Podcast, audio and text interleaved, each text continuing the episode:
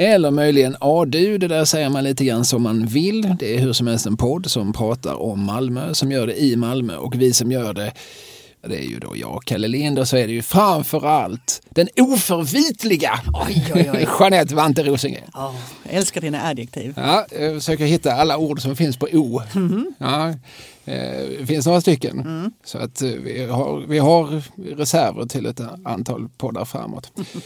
Du, hur är läget och sånt? Bra tack, själv. Ja, eh, det är bra tack. Mm. Då går vi direkt till handlingarna. Patreon.com, mm. Patreon.com Eh, gå in där vet jag, skriv ADU-podd, skänk eh, alla era pengar, alla era besparingar. De ni inte skänker till Ukraina kan ni skänka till oss. Tycker man att det är jobbigt med, med, med Patreon och så, man gillar inte sådana här stora multinationella grejer. Det är liksom också fel tid att ge sig in i mm. internationell handel och så. Det är bättre att hålla det här hemma på hemmaplan. Mm. Då finns det Swish. Just det. 123 052 10 88 123 052 10 88 så kan man donera till den här podden om man är sugen. Vill man bara hålla koll på läget och se när kommer det nya avsnitt och så. Gå med i vår Facebookgrupp vet jag. Just det. Det var det om detta. Mm. Hade du med dig mail? Du, vi har fått uh, några lyssnarbrev, lyssnarmail ja. får man väl säga. Ja, det beror på i vilken form de kom. Ja, jag kom. får regelbundna skrivmaskinskrivna brev av en man som hävdar att han är elallergiker. Aha. Exakt hur han lyssnar på mina poddar har jag inte förstått. Men det, nej just det. Nej, just Vevradio. Mm, nej, det, nej. Jag, jag, kan ju inte riktigt besvara dem. Eller så, jag kan ju inte Ska Lämnar han inte någon eh, adress? Jag ska skaffa ett frimärke för att någon sitter och är neurotisk. Nej, just det. Så ska du behöva köpa ett sånt där bläckhorn och gåsfjäderpenna. Och... Allt det här har jag ju såklart redan, ah, ja. men... nej, nej, nej, jag har inte så stor fördragsamhet med våra elallergiker. Men det behöver vi inte fördjupa oss i. Nej, men eh, om jag börjar då med en av våra utlandslyssnare. Det finns sådana. Vi har sådana. Ja. Se där, se där. Ja. Hola, hello. och det här får du, eh, då får du prata din bästa franska för det här är nämligen ett lyssnarbrev från Frankrike. Bonjour, Paris. och det är då Lasse Roth från Malmö som har skrivit det. Mm. Han eh, du, du pratade ju förra veckan, om, eller förra gången, om Mona Seilitz. Just det. Mm. Då har han ett litet tillägg att göra här. Vi pratade om var hon hade bott i Malmö. Sådär. Och det och visste inte jag. Nej, precis. Och Mona hette ju eh, i flicknamn Alexandersson. Ah. Innan hon gifte sig med Jan-Erik Seilitz. Eh, familjen Alexandersson, skriver Lasse, bodde på Korsörvägen 15. Och min halvbror Lennart Nilsson var gift med Jana som var syster till Mona. Mm. Har dock träffat Mona bara en gång och då var hon mycket tyst och satt mest för sig själv. Eh, och det fick ju mig att börja kolla lite grann. Du Såklart. Du vet hur det går till. ja, ja. Jo då, hon, eh, Monas första späda år bodde hon på Ehrensvärdsgatan tillsammans med sin stora familj. Jag tror de var sex, sju syskon. Vid Värnhemstorget? Ja. ja. De kvarteren. Och sen flyttade de till Korsörvägen 1900. Eh, nej, nu, förlåt, jag ljuger fullständigt för dig. Okay. Fullständigt. Sudda bort allt det där jag sa. Det var inte Ehrensvärdsgatan, det är någon annan som bodde där förstår du. Hon bodde i kvarteret Davida, alltså där gamla konserthuset ligger nu. Ja, ja. Föreningsgatan, Majorsgatan, den hörnan där. Räknades det till Lugnet? Eller, det. det. var en del mm. av Lugnet. Lugnet sträckte sig hela vägen upp till, Just precis. till gamla konserthusets ja. gräns. Mm. Mm. Ehm, men 1947 flyttade då familjen till Korsörvägen och sen och var ligger Korsörvägen? Det är Dammfri. Okay. Ja, ganska nära Dammfriskolan. Helt enkelt. Sen flyttar hon till Ereslandsgatan 4 1966 men det är först när hon har gift sig då med Jan-Erik Seilitz. Så där. Mm. Ja, men det innebär alltså att hon var Malmöbo. Fram till, sen så tror jag att hon kom in på någon teaterskola, i, i, inte i Stockholm som man kan tro utan kanske i Norrköping, Linköping. Mm. Och eh, sen var hon ju så att säga på där uppe eh, tills hon på ålderns höst får man väl säga, hon var ju inte mer än lastgammal men dock eh, flyttade ner till Skåne igen. Men det visste han ingenting om. Eh, det gör han kanske men jag tror att eh, det här handlar ju om hans, om, om barndomen, ja, uppväxten. Mm. Han själv, eh, ja, men då har vi rätt ut ja. var Mona Seilitz växte upp. Ja, alltså, alltså kan man ju gå i hennes fotspår då om man vill ja, göra det. Ja, vi, mm. Sen, sen har vi fått ett annat mejl härifrån Karin Lövgren Nilsson. Eller är det Nilsson Lövgren? Jag säger alltid fel. Karin, du får, jag ber om ursäkt på Ja. förhand för något är rätt och något fel. Någon form av ordning. Om man Ja. bara säger Löfgren Nilsson, Löfgren Nilsson så har man sagt rätt någon gång. Exakt. Karin har ju skrivit eh, en bok om eh, Anna och arkitekten Arvidius som kom ut på Kira förlag för några år sedan. Mhm. Gjorde en eh, strålande researchinsats. Men det här mejlet handlar om påven och Malmö latinskola som Ja. du också var inne på förra gången. Just det, det var en, den här anekdoten huruvida han bidrog till aulan eller ej. Eller? Exakt. Och då skriver Karin så här. Tack för ännu ett, ett intressant och roligt ADU-avsnitt. Ni pratade om påvens bidrag till renovering av latinskolan och det får mig att dra lite extra på munnen. Min Anna, alltså hennes dotter, gick på latinskolan vid tiden då den nästan hundraåriga aulan fick stängas på grund av rasrisk. Kommunen kunde inte mer än renovera det nödvändigaste så eleverna startade en egen insamling och aulakommitténs ordförande Tobias Billström, Ja, ja. Numera moderat politiker, ja, precis. För detta migrationsminister i regeringen Reinfeldt. En av dem som inte betalat sin tv-licens men som ändå lyckades behålla ministerposten genom att bara ducka för journalister. Var det så? Ja, Stege Chilot hette den ena och Ja. Borelius hette den andra som, det, ja. som mer eller mindre omedelbart fick lämna sina ministerposter. Billström han bara liksom gick under radarn och sen så efter några dagar så inga journalister. Så gick han vidare i livet. Ja, så man ska göra. Ja, men han var då också elevrådsordförande Eh. såklart. Han har rätt mycket elevrådsordförande-aura fortfarande trots att han är äldre än jag.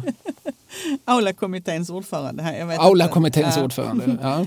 Han i alla fall skrev till Johannes Paulus II och bad om hjälp. Ett brev på latin skickades iväg och svaret en hälsning och 10 000 dollar lät inte vänta på sig. Det är ju stålar. Ja, det får man ju säga.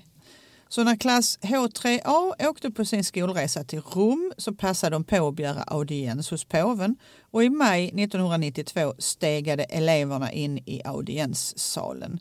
Påven höll ett litet tal och lektor Undhagen tackade på latin för hjälpen. Och sen kom han hem igen och då eh, blev dottern Anna uppringd av Sydsvenskan om det här högtidliga tillfället hos påven. Och om besöket skrevs sedan i den lilla artikeln något om att eleverna tyckte att påven var rar men för övrigt satt han mest och sov.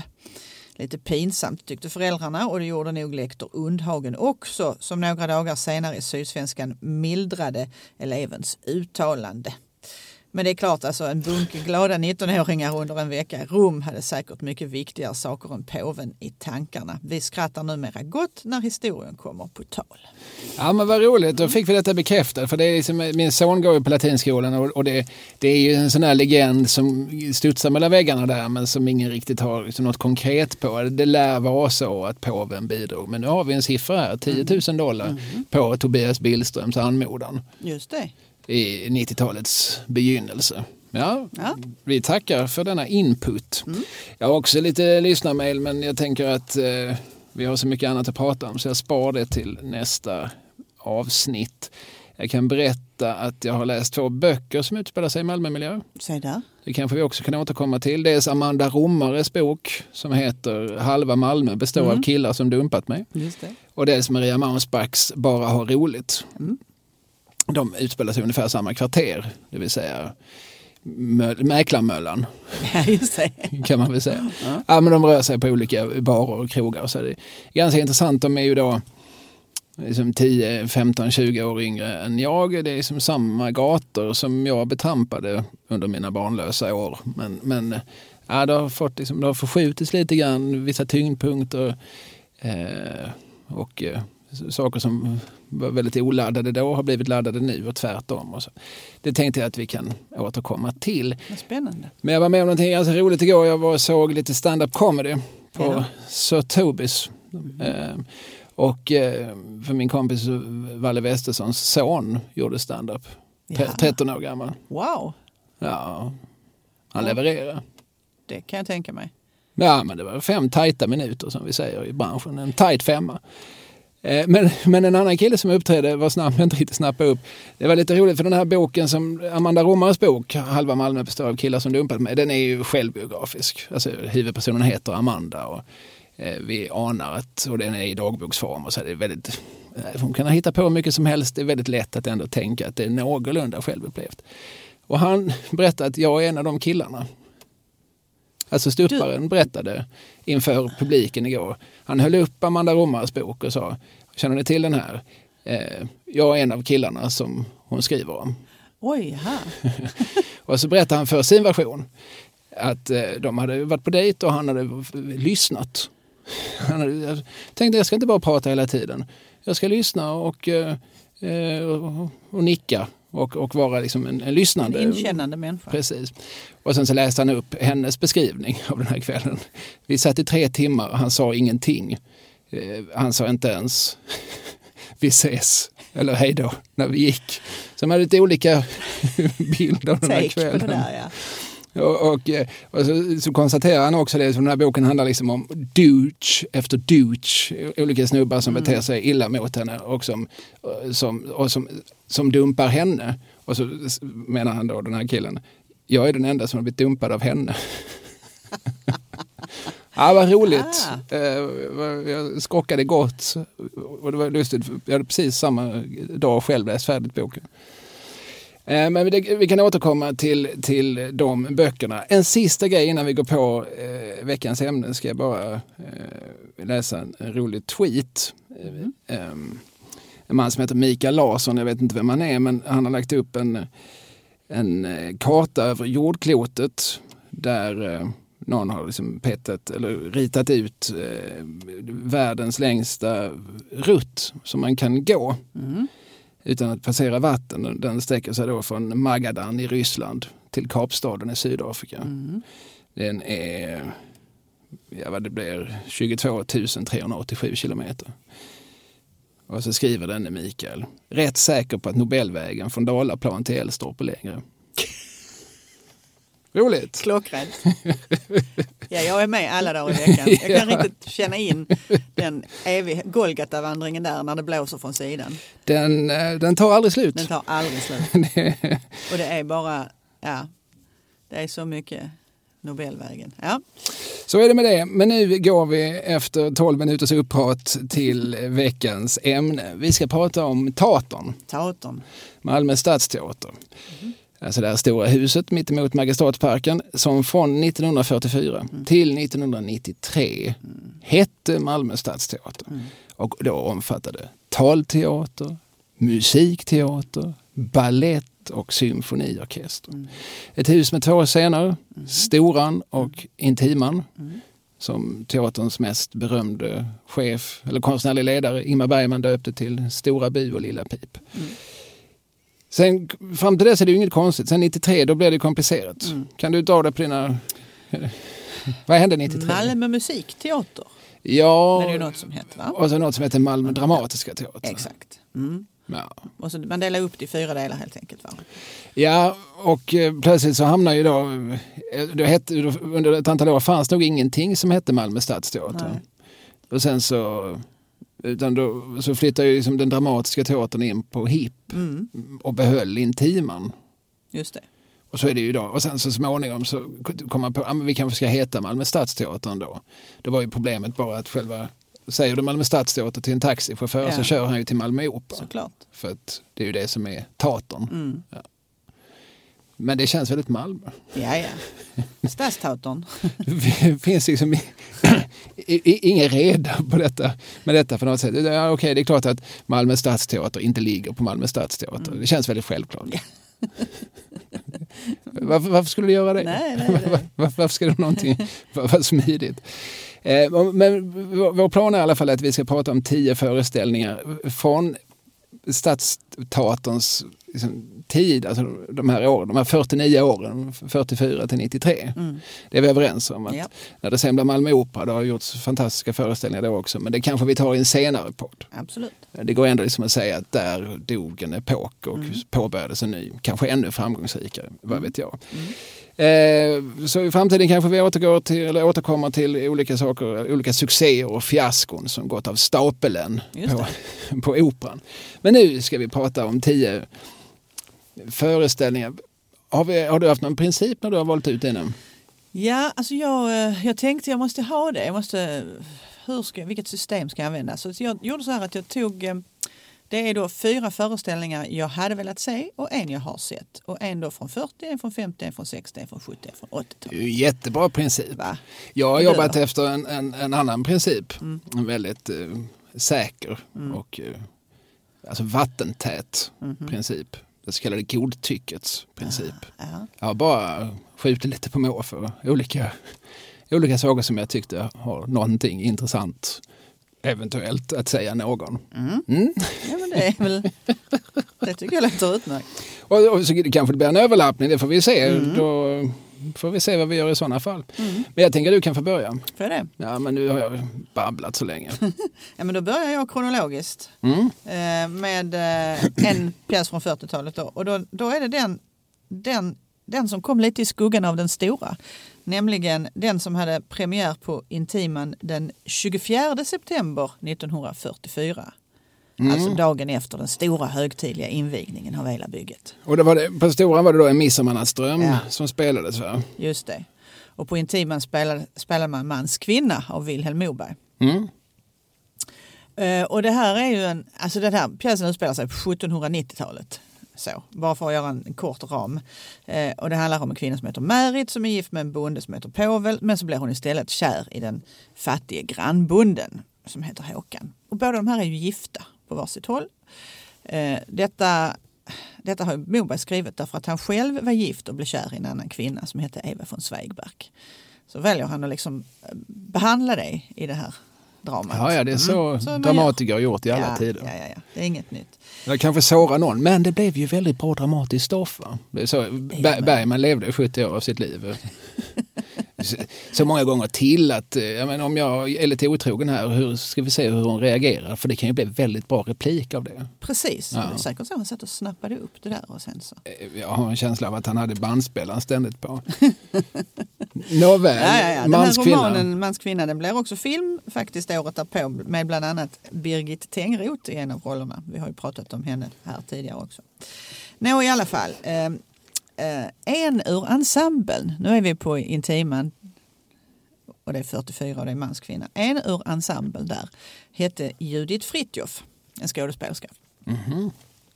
För övrigt var hon syster till Ortrud Mann som vi också har pratat om. Dirigenten. Just det.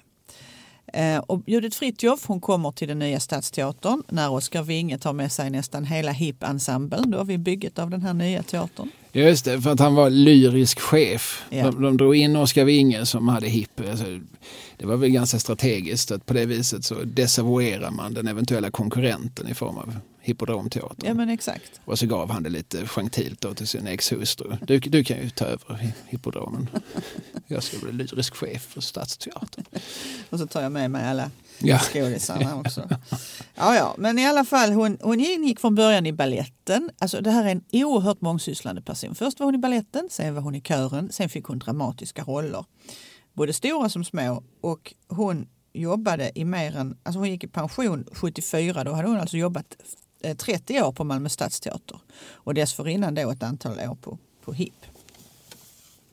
Jag tänkte bara skulle beskriva henne väldigt kort så, så är det lite kul. I eh, Kristina Kamners bok om Malmö Stadsteater så berättar Marianne Fröjd som ju du har träffat. Ja, det gjorde jag faktiskt i samband med eh, Operans Stadsteaterns 75-årsjubileum 2019. Så fick jag ju den stora äran att vara konferencier. Och då hade Ronny Danielsson som var regissören för det hela eh, raggat upp henne. Hon bodde någonstans i någon Stockholmsförort sedan många decennier tillbaka. Och var väl 90 plus men jävligt vital. Och mindes eh, skäktorna. Att det var mycket, det var mycket loppor i, i scenografin. Jaså? Så hela, hela, hela ensemblen var i loppebäden. Ja, ja, men hon var ju charmant där på scen. Hon gjorde ju en plié och eh, vad det nu var. Ja, konungen, hans majestät konungen satt i publiken så att Ja. hon hovneg för honom. Just det. Då var det min uppgift att stötta henne. Ja. Jag skötte inte den så bra för att jag, för att jag hon, hon, hon, var raskare än jag, så att jag, jag, jag hann inte springa över på rätt sida. Så att, det var så? Ja. Mm. ja, ja. Men hon, hon, var ju, hon började ju som 16-åring då och då berättar Marianne Fröjd så här att hon, när hon var 16 år dansade hon en elva i en midsommarnattsdröm. Och då var det ju rätt så taskigt med arbetstiderna. Alltså det var ju eh, innan, innan fackliga förordningarna hade slagit igenom. De jobbade jämt och ständigt och eh, det var en elak tant som hade i kantinen och hon släppte inte in dansarna. Nej, vi var för många, vi skulle bara smutsa ner, sa hon. eh, och i, lo i logen så satt vi på golvet, vi hade inga pallar. Koristerna hade det likadant. Judith Fritjof gick då och frågade Oskar Winge om inte han kunde hjälpa oss. Hon var korist och ortodmans syster och den modigaste bland oss. Han brummade fram att han skulle göra sitt bästa. Vi andra hjälpte till genom att ligga på golvet utanför kantinen och demonstrera med våra termosar. Oskar Winge hade tydligen gjort sitt bästa för nästa säsong fick vi komma in i kantinen och köpa kaffe och wienerbröd och till och med sitta på stol med ryggstöd. Och Judith, Judith eh, Fritjof, hon blev sen körens förtroendevalda ordningsman efter detta. Mm. Mm. det, det, var ju en annan tid. Alltså det är ju det här med den, den sortens hierarkier att somliga inte fick äta i vissa kantiner mm. och sånt där. Mm. Det, det känns ju Ja, det känns ju kanske som att vi är på väg tillbaka dit, vad vet jag. Men, men, men det Sverige jag växte upp i, där var det ju liksom en väldigt märklig tanke att vadå, alla får väl sitta var de vill. Mm. Men fortfarande på 40-talet, så även på, i det socialdemokratiska Malmös folkteater så, mm. Så finns det någon som, ja nej, mm. ja nej, ni är på tok för skita. Ja precis, ni kan inte komma här och komma hur som helst liksom. Men, men den här modiga Judith Fritiof då, hon medverkade liksom, ja, hon gick i pension och sen var hon ju ändå med i olika pjäser. 70 år gammal ställde hon upp. Eh, och då var det ju Ensembleteatern som satte upp farliga förbindelser och behövde henne i någon roll som en spågumma. Eller sådär. Så att hon, hon spelade på scenen ända fram till 1996 och det är ju rätt maxat om man började någon gång. Eh, på slutet av 30-talet. Ja, mm. det är en gedigen karriär. Ja, det får man säga. Hur som helst, Mans kvinna spelades 46 gånger inför 8095 åskådare. Mm. Mm. Så även den lyriska eh, teatern drog folk. Willem Moberg var i fall en folklig ja. författare och dramatiker som skrev liksom högst begripliga pjäser. Just det. Så att det kanske vi inte ska förvånas över. Men, men eh, Ja, det här är ju ett prestigebygge när det står färdigt. Det har ju liksom hållit på att planeras i 10-15 år och så här. Och, och, och, så bygger man väl. Man brukar, det är väl Nordens största, åtminstone, jag tror det institutionsteater. Ja. Mm. teaterhus. Ja. Mm. Så, som jag, jag har hört olika siffror, men 13-1500 platser någonting mm. kan man ju få till. Mm. Och sen går det att skärma av för det. smalare ja, föreställningar. Och sådär, ja. ja. Mm. Men eh, så, så, det är liksom fullt pådrag från dag ett när det väl är invigt. Mm, mm. Och då får man väl också tänka sig att det finns en viss, en viss eh, nyfikenhet från, från befolkningen. Om du är färdig där mm, så mm. kan vi stanna kvar på eh, invigningsåret, invigningssäsongerna. Mm. Eh, för då kan jag läsa ett stycke här. Eh, alltså 44, då spelar en familjeföreställning som heter Jorden runt på 80 dagar. Ja. Den har de spelat ett antal gånger. Mm. Eh, du känner till det, Jules Verne. Mm. Eh, och i den här första uppsättning, 44 eh, redan, så spelas då huvudpersonen Phileas Fogg av Carl Emil Georg Jonsson, ah. mer känd som Karl Gerhard. Ja, ja. Hur kom detta sig då? ja, han, han kom ju när helst någon kallade. Om någon ringde och sa vill du komma hit? Ja, när? Alltså han var ju väldigt tillgänglig på det sättet. Men det fanns ju en personkoppling också för den första chefen för Malmö Stadsteater. Han hette då Sandro Malmqvist. Mm. Och han hade jobbat väldigt tätt med Karl Gerhard. Han har ju bland annat gjort scenografin till den ökända hästen från Troja. Det var han som kom på det här med det. den stora dalarhästen med den femte kolonnen, mm. alltså det femte benet som Karl Gerhard och baletten gjorde entré ur. Mm. Eh, och som också framfördes här i, i Malmö, men då på HIP 1940. Så Karl Gerhard spelade huvudrollen i den och sen så var liksom samarbetet så gott mellan honom och teatern att han fick i uppdrag att skriva en, skriva en revy för Malmö stadsteater. Och det gjorde han. Den hade premiär den 2 maj 1945. Alltså Mm. precis efter krigsslutet. Och spelades in i juli, sammanlagt 20 föreställningar inför totalt 21 662 åskådare. Vad hette då denna revy? Fy, 45. Det är, inte då, han gör, det är inte då han gör den här med Aristofanes? Ja, Är det det? precis. Men eh, alltså, det, det är ju någon sorts, alltså han skrev ju om Lysistrate, Ja. alltså den gamla antika komediförfattaren Aristofanes pjäs om kvinnorna som kärleksstrejkar. Mm. Men han gav den då titeln Vi är ga Skåningar. skåningar allihop. Just det, ja. Som ju är en oerhört sökt och inte jättefyndig titel som måste varit svår också att komma ihåg. Mm. Men det, sånt eh, hindrade aldrig Gerhard. Nej, nu ska den heta så. Eh, och eh, ja, det, det finns en melodi som somliga kanske har hört, den som heter Plötsligt så blommar mimosan på Vellinge skivagård. Underbart. Den specialskrev han ju då för ändamålet. Då går det ett ljud över Skåne. Åh, åh, åh. Det är ingenting du känner igen? Nej. Jag tror att Carl P Herslow brukar spela den här i, i Skånepartiets närradio. Jaha. Vilket... eh, Det har ju inte jag lyssnat på den på sen 79 kanske. Ah, okay. Nej, men de gånger jag har hört den så tycker jag att är det inte, känner inte jag igen den här? Spelar inte, spelade inte den förra gången jag råkade lyssna? Eh, Karl Gerhard han skrev samtidigt i en tidning som heter Aftontidningen som, som eh, bildades, grundades av, av socialdemokratiska antinazistiska krafter under kriget för att utgöra en motvikt till allt eh, tyskvänligare Aftonbladet. Mm, Som då för tiden inte var LO-ägt utan Nej. ägdes av Torsten Kryger, bror till tändstickskungen. Eh, och där skrev eh, Karl Gerhard krönikor som ju oftast handlar om kriget eller om, om nazismen. Men, men han passar ju också på då och då att göra reklam för sig själv såklart. Han, var ju, han var inte den som var den. Nej, nej. Och, eh, ett, par krönikor har han skrivit från Malmö. Han, han berättar det i krö- krönikan att han sitter på, på Kramer och eh, tittar ut. Jag kan eh, läsa här. Mm. Jag befinner mig just nu i Skånes huvudstad och kan från mitt fönster på Kramer se hur duvorna kuttrar kring Karl X Gustav. Ni vet han som ett par hundra år före Axel Wennergren upptäckte att man kan komma sig upp på is. Det är bara kul om man vet att Wennergren grundade Electrolux och blev mångmiljardär på kylskåp.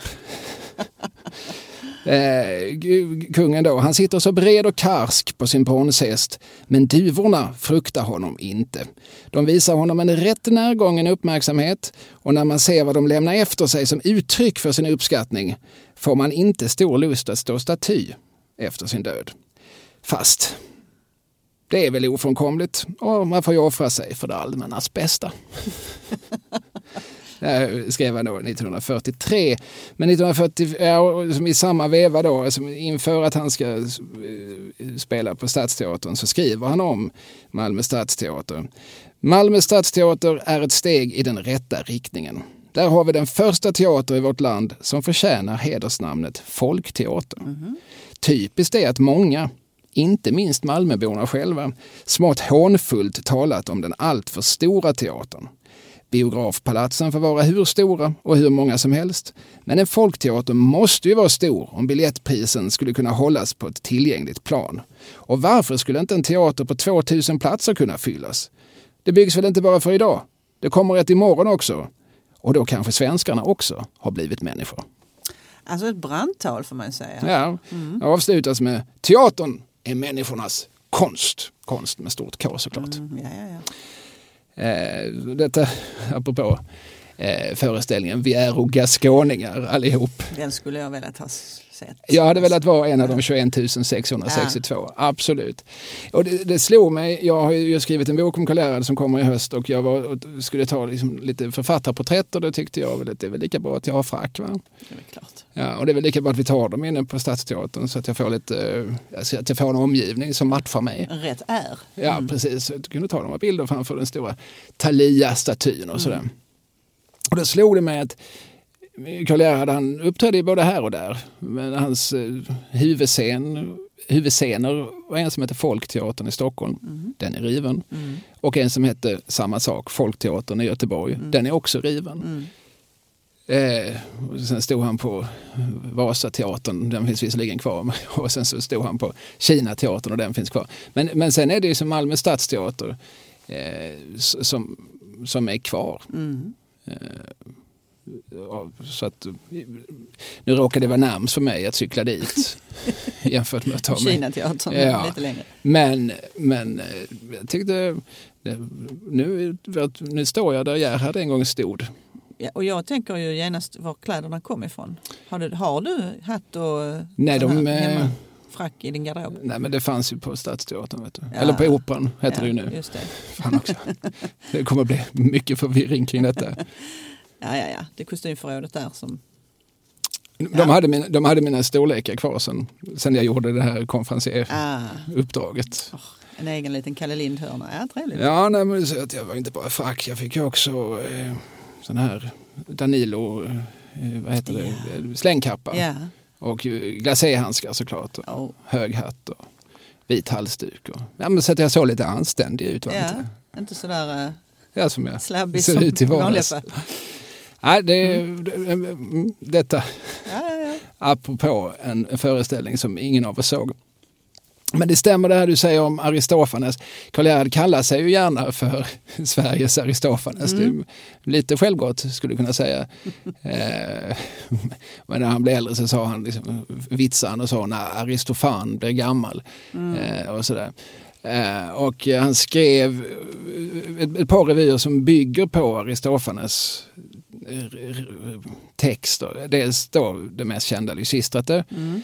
som i Gerhards händer blev revyn Gullregn i det. vilken just den ökända hästen från Troja ingick. Mm. Och sen innan dess så, så utgick han från en, en, en, en pjäs av Aristofanes som heter Plutos Mm. som handlar om eh, rikedomens Ja. gud Plutos. Och den fick då, nej, den, nej, den hette Oss greker emellan. Mm. Jag blandar ihop det tvärtom. Just det, just det. Lysistrate blev Oss greker emellan, Plutos blev Gullregn. Mm. Det var där de hade just så här ymnighetshorn i, i, i, i scenografin som sprutade guldpengar över Mm. publiken. Och samtidigt då tusenlappar med vems ansikte på. Karl Gerhard. ja, alltså, det, det var ju inte en man som satte sitt ljus under skäppan Nej, nej. om jag så säger. Eh, han skriver i programbladet till Vi är och allihop. Eh, det är undertecknat Aristofanes då. För mitt samvetes skull vill jag ej underlåta att uppmana döttrar att ej medföra sina mödrar till detta spektakel. Var många dubbelnegationer där. Men, men annars hoppas jag förstås att hela Skåne denna vår skall vallfärda till vårt Akropolis för att sjunga med i den nya vårvisan där det går sus över Skåne och där mimosan blommar på Vellinge i Skivargård. Tjusigt. Det är poesi. Det är poesi. Det var eh, plats, eh, plats nio då. Å- Åtta platser kvar. Mm, ja, ja, ja. Jag hoppas ni fortfarande lyssnar på oss. Nu ska vi till 50-talet. Och eh, vi får föreställa oss att vi står i eh, den stora foajén den 1 oktober 1954 är väldigt förväntansfulla. För nu, Kalle, så ska vi in och se, jag har till och med programbladet med mig här.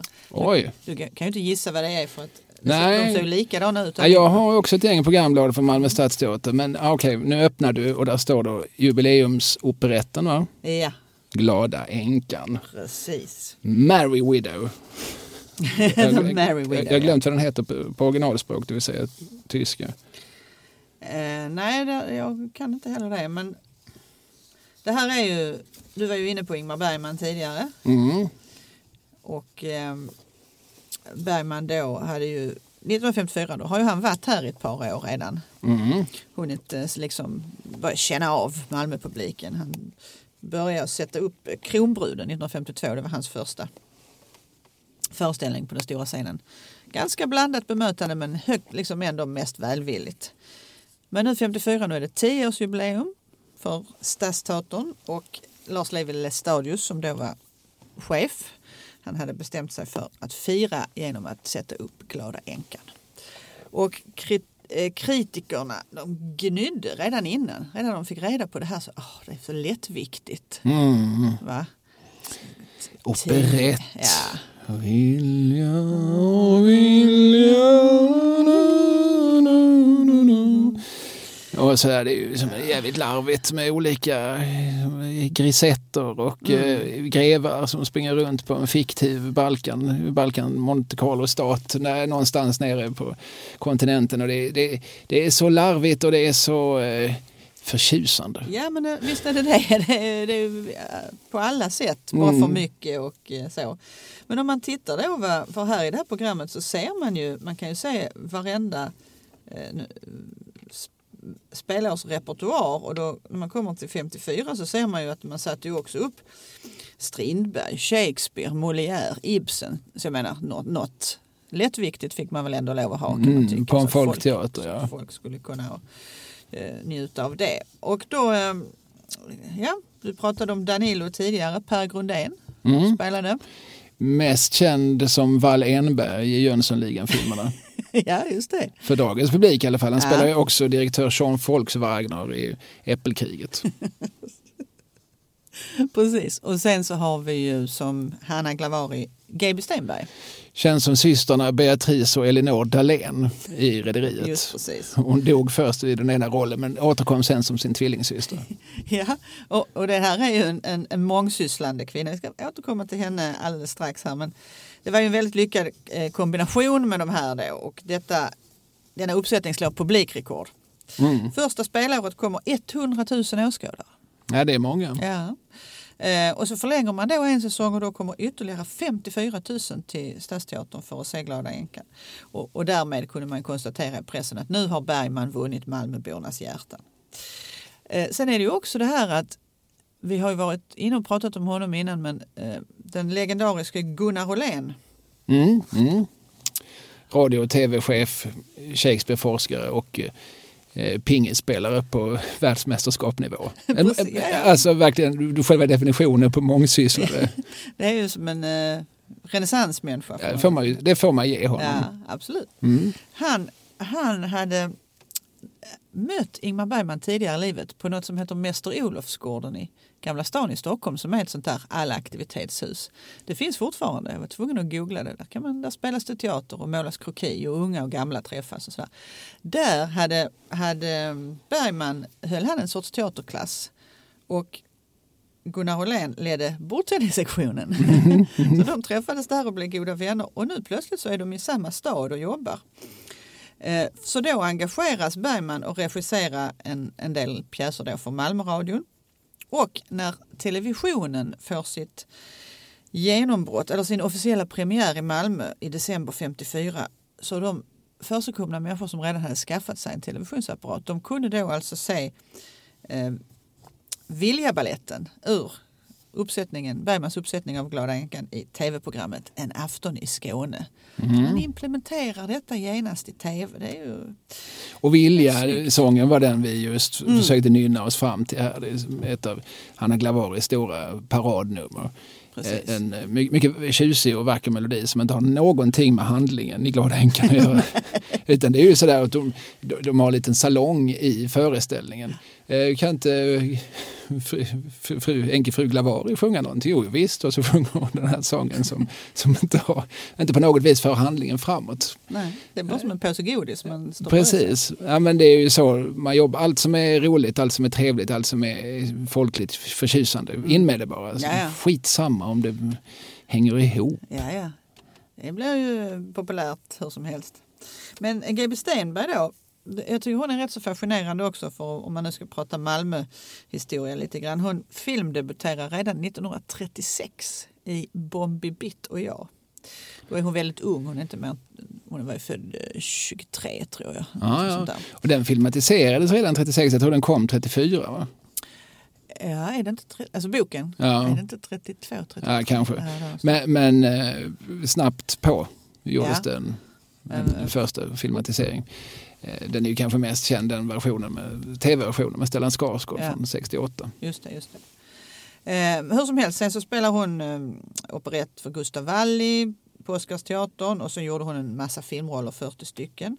Lättsamt, eh, bland annat mot Nils Poppe och Åke Söderblom och sådär.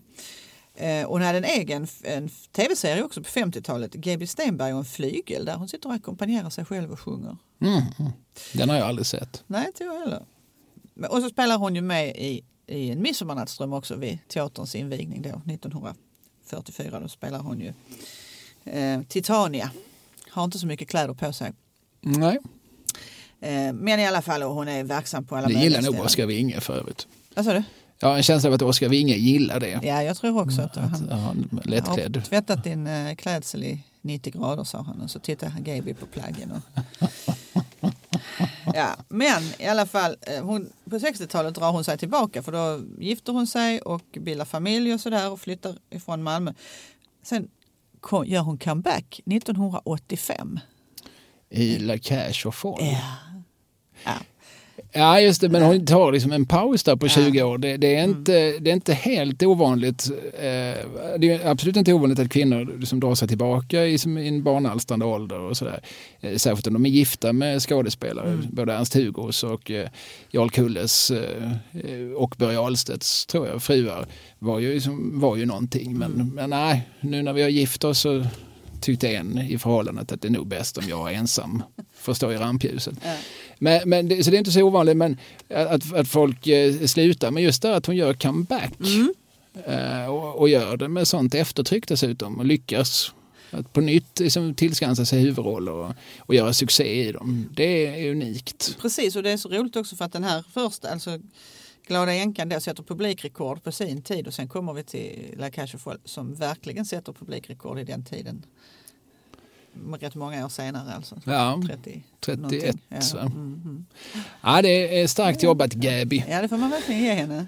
Ja. Men då kan jag ju passa på att säga, för att jag har alltid lärt mig och jag har nog spridit det vidare också, att eh, Glada änkan sätter ett publikrekord som står sig fram till La Cash of Fall. ja, men det, Men det stämmer inte. det gör inte det. För att 1960 så slogs Glada änkan-rekordet och nu kommer vi till plats 10, Alltså 9, detta är 8, som 7. en cliffhanger. Eh, huvudpersonerna i den här alltså, föreställningen som spelades eh, mm, 123 gånger för drygt 188 000 åskådare. De spelades av Maj Lindström såklart. Som, som ju var aktiv långt in på 80, förmodligen 90-talet och som vi har nämnt många gånger. Hon spelade den kvinnliga huvudrollen, Olof Bergström spelade den manliga. De, det, vi, vi pratar om en, om en musikal som hade haft premiär bara fyra år tidigare på, på Broadway, 1956. Och eh, då spelades då huvudrollerna av Rex Harrison och Julie Andrews. Julie Andrews, det var en ung Julie Andrews. Mycket ung, det var hennes genombrottsroll. De spelade också huvudrollerna sen i filmen som kom 64. Och däremellan hade Ingrid, Ber- Ingrid Bergmans make Lars Schmidt kommit över de internationella teaterrättigheterna och blev då mångmiljonär på att kränga den här, den här pjäsen som 59 hade premiär i Stockholm på Oscars då med Jarl Kulle och Ulla Sallert. Är det Jag tror hon kan det? Jag tror hon kan det. Ah. Den spanska räven rev en annan räv. Alldeles riktigt. My Fair Lady eh, spelades på Malmö stadsteater alltså 1960. 123 gånger, det är många gånger Ja, på Storan. Fantastiskt. Eh, och eh, ja, Maj Lindström var ju en institution inne på Malmö stadsteater. Hon spelar ju som vi har nämnt tidigare också Elin i Åshöjdens BK. Var med lite i sådär Malmö-TVs eh, dramaproduktioner på 70 och 80-talet. Men det var ju, hon var ju framförallt en stor teaterstjärna. Ja. Eh, Olof Bergström är ju ingen som minns. Man kan ju nämna att han var pappa till Jonas Bergström som heller ingen minns. Som väl måste vara i, ja men Jonas Bergström, han, han Skådespelare också? Ja, man ser honom ibland. Ja, men han är sådär anonym. Han har förmodligen varit på Stockholms stadsteater sen, sen Vivica Bandlers tid. Ja, ja. Eh, hur som helst, My Fair Lady slog faktiskt Glada änkan. Eh, nu 1960 så heter chefen för Malmö stadsteater Gösta Folke. Just det. Eh, han kommer att stanna där i 17 år. Eh, en populär, timid, eh, omtyckt teaterchef. Och det är faktiskt också han som har satt upp My Fair Lady på Oscars Ja. året innan. Så det är som det han kommer med som chef. Ja, nu vill jag liksom markera att, att jag är chef att även jag, i likhet med min företrädare här som konstnärlig ledare, Bergman, även jag kan faktiskt konsten att, att dra folk. Och det visar han ju då med eftertryck. Sen var han inte alls samma sorts eh, tävlingsmänniska, vinnarskalle som Bergman. Vi pratar ju aldrig om Gösta Folke nu för tiden Nej. medan ganska många av oss faktiskt pratar om Bergman Mm. titt som tätt. Jag ska bara säga en liten parentes här. Mm. Just innan jag kom hit idag så var jag faktiskt ute på Auctionnet. Mhm. Därför att nu är det en auktion på Ingmar och Ingrid, alltså Ingrid Från Råsam, Ja, sedermera Bergman. precis. Deras gemensamma bohag ligger ute på nätet så att om man vill kan man bjuda på en stol eller en, en vad som nu någonting som har Ett bäcken. Ett bäcken, lite ditt och datt. Och det finns också en liten lapp som Ingmar har skrivit till Ingrid. Eh, Sist nu när jag tittade så var, var den uppe på 4 000. Ja, Pusseluss, lilla älskling, ungefär så här. Jag har gått iväg för att gå på, alltså han skulle ju gå på något. Han bara skrev en liten lapp att jag kommer hem, jag väntas hem vid fyra tiden. Och så undertecknade han din gubbis. se där. Mm. Ja, den hade jag velat ha på väggen. Men jag inte, 4 000, det känns som att jag kan hitta annat att lägga 4 000 på. Hur som helst, My Fair Lady eh, tycker jag är lite, lite bortglömd när man eh, liksom, liksom sådär drar igenom Malmö Stadsteaters historia. Eh, Gösta Folke, han, eh, han gjorde också, känner du till det här himlaspelet som spelas upp i, i, i Leksand? Ja, Sånt här det. bygdespel som spelas varje år. Han regisserade det spelet 54 år i rad. Oj, Det är en bedrift. Jag har ingen aning. 54 Jag har år. ingen aning om hur bra det blev.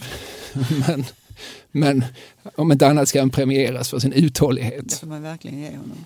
Lång och trogen tjänst. Yes. My Fair Lady. Mm. I översättning av Gösta Rybrandt. Den spanska, re- vil- vilket ja, jag har nämnt här i någon annan podd, så, men musikaler över, nyöversätts ju väldigt ofta och hela tiden och det gör säkert My Fair Lady också nu för tiden för nu gör man ju mycket så här att Eliza inte pratar Cockney utan hon pratar Rinkeby-svenska Ja. eller liksom, Rosengård-svenska eller sådär. Men den här liksom, raden, den spanska räven, räven, annan räv, den har man ju liksom behållit. Det har varit samma sedan den allra första svenska översättningen, vilket är väldigt ovanligt. Och, och försök hitta en annan, en annan ra- fras som går in på melodin och som visar som en dialektal skillnad. The rain in Spain stays mainly in the plain? Mm. är det eh, i original. Försök hitta det. Nej, det hittar ingen. Det hittar Gösta Rybrandt 59. Vi behåller det. Ja, den satt som en smek. Ja. Nej men visst, jag tänker på, eh, visst var det Timbuktu som skrev nu senast till eh, West Side Story till exempel. Just så. Jaha, är du klar med? Jag är klar. Mm, då ska vi in på 60-talet, Mm. nämligen till eh, det märkesår då jag föddes, 1967. Ett av mina favoritår. Är det det? Mm. Ja, och jag menar Ulf Lundell har besjungit det. Och, Mm. Ja, det är absolut Lundells favoritår. ja, det hade, hade Ulf Lundell fått bestämma hade han nog gärna sett att vi stannade där. Ja, det finns, sen dess har det bara gått ut för om du frågar Ulf. Ja, men det är premiär på Storan den 10 mars och vi ska gå och titta på Romeo och Julia. Mm. Alltså Shakespeares Romeo och Julia. Shakespeares Romeo och Ja, Julia. ja, ja, helt den har jag hört talas om. Och den är har man ju satt upp hur många gånger som helst så varför just då? Ja, och inte minst West Side Story som du nämner som ju är en, en parafras Precis. på just det. Romeo och Julia. Ja. Mm. Eh, nej, men jag har valt just det här året därför att den då är i regi av Eva Sköld. Och eh, hon är en av de allra första kvinnliga teaterregissörerna i Sverige. Nämligen. Hon har gått i skola hos Ingmar Bergman. Hon kom till Stadsteatern 54 och alltså, jobbade som assistent åt Bergman och sen tio år senare så börjar hon regissera själv. Och som regissör så, så leder man ju och fördelar arbetet. Det är bara det att det här var första gången en kvinna hade den rollen på Malmö Stadsteater. Så att det var ju inte riktigt lätt för henne. alla gånger. 23 år efter grundandet, alltså efter Mm. invigningen. Mm. Mm. Eh, hon, eh, hon mötte motstånd här och där men hon var inte den som på något sätt gav sig. Det här, om jag förstått det rätt, var en oerhört tuff och rolig och skolad dam inte minst. Hon hade börjat på Operans balettskola sen hade hon utbildat sig i London på Royal Academy of Dramatic Art. Så där. Flera andra sådana ställen.